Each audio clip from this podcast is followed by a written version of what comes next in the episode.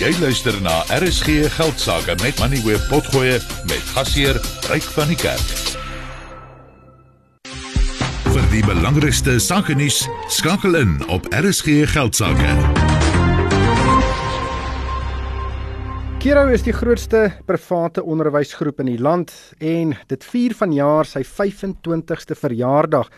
Die besigheid is in 1998 gestig deur Dr Chris van der Merwe nadat die departement van onderwys skynbaar sy werksaansoek van die hand gewys het. Hy toe 'n skool begin in 'n kerk. Daar was 28 leerders in die eerste klas en sedertdien het Kuro ongelooflike groei beleef en vandag bedryf dit 78 kampusse en 182 skole reg oor die land waar sowat 73000 kinders skool gaan.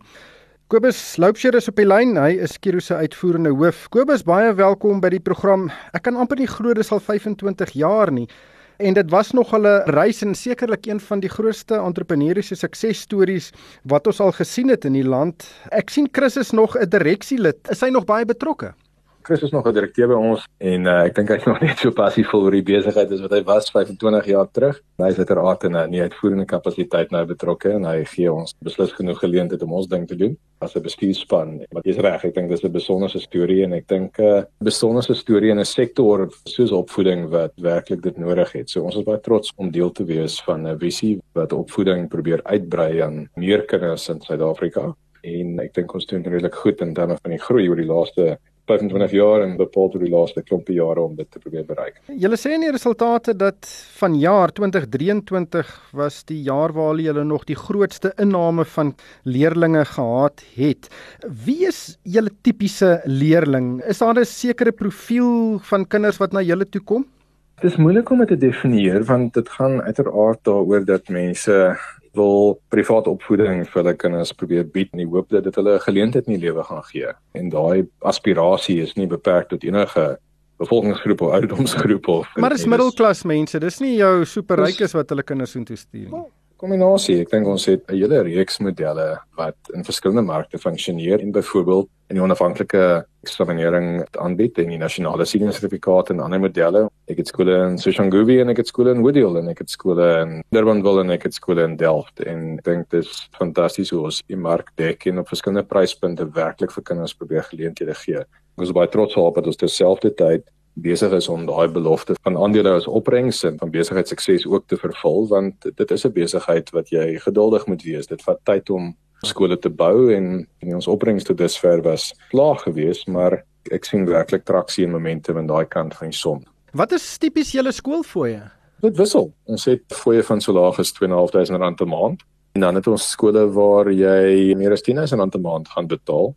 En die verskil is werklik relatief tot klasgrootte, die modus van uitvoering, die fasiliteite beskikbaar relatief tot sportgronde en sale en teaters en al die klas van dinge. So ons probeer werklik vir mense verskillende opsies aanbied. Ja, ek moet sê dit vergelyk nogal baie met die model C skole ook waar boonbehalwe die regeringssubsidies ouers ook moet bydra, maar kom ons gesels gou oor julle syfers. Die omset was 17% hoër op 4,2 miljard rand. Die wesensverdienste was 49% op tot 365 miljoen rand en die 'n slotdividend van 11 sent per aandeel verklaar en dit is 35% hoër as verlede jaar. Dit lyk regtig asof die sakeplan nou regtig bymekaar kom. Dit is goeie saamgestelde groei wat hulle jaar na jaar wys.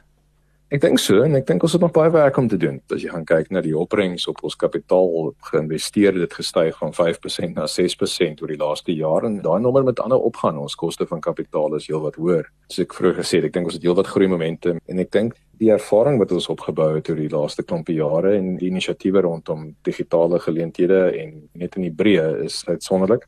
Ek dink ons word beslis baie sterk ondersteun deur ouer gemeenskappe wat entoesiasties is oor wat ons kan bied in die in die kwaliteit van opvoeding beskikbaar. So in kort, ons het heelwat meer om te doen en ek dink ons is diep bewus van die plig om daai 73000 kinders en hopelik nog baie meer hier hulle matriek suksesvol te kry. Wat is die plan vorentoe? Het julle enige teikens van hoeveel kinders julle in julle skole wil hê oor sê 5 of 10 jaar? Ons het op hierdie stadium het ons geboue wat kapasiteit het vir uh, net onder 100 000 kinders. So ons kan tegnies kan ons soveel as 5 26000 kinders byvoeg bo op die 73 000.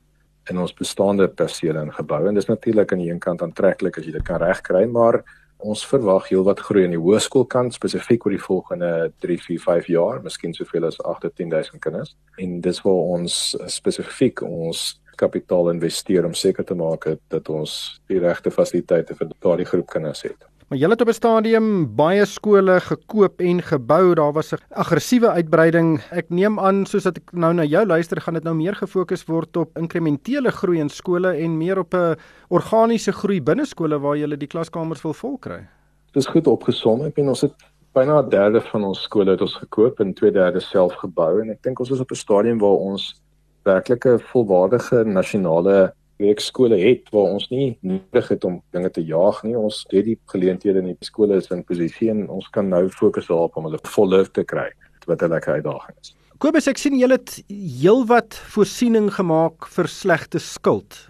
Is dit 'n probleem dat ouers nie kan betaal nie?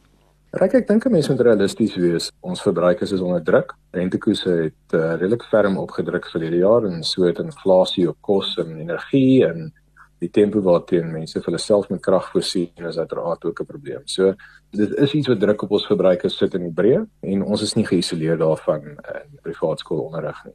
As 'n besigheid het ons ongelukkig verlede jare 'n bietjie meer mense gehad wat uit ons skole uit weg is relatief tot omdat hulle nie kon betaal nie of omdat hulle ons misvra om te gaan en dis jammer. Ek bedoel dit is sleg vir ons om om kinders te verloor maar die kraks daarvan is dat ons nie 'n diens verniet kan aanbied nie. So dit was 'n fraksie meer laas jaar wat in terme van liewe soos ek die woord kan gebruik as in 2021 mm. Maar ek is tevrede dat ons dit gedoen het binne 'n baie verantwoordelike konteks teen ons skole. So ja 'n bietjie druk dink ek in daai spasie net so waar in baie ander sektore. En ons hoop dat vir jaar miskien 'n bietjie verligting sal bring en sekerlik wat wat wel vir ons nogal verblydend was is dat die inskrywings wat ons gekry het in die jaar 2023 in met ander woorde wat nou begin het in, in Januarie was meer gewees as wat ons byvoorbeeld gekry het in die jaar 2022 in.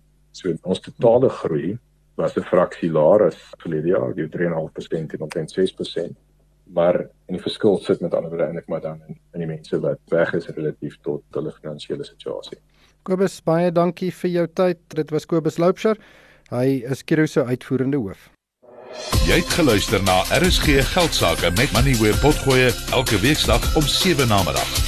Vir meer Money where potgoe, besoek moneyweb.co.za of laai die toepassing af en volg Moneyweb News om dagliks op hoogte te bly.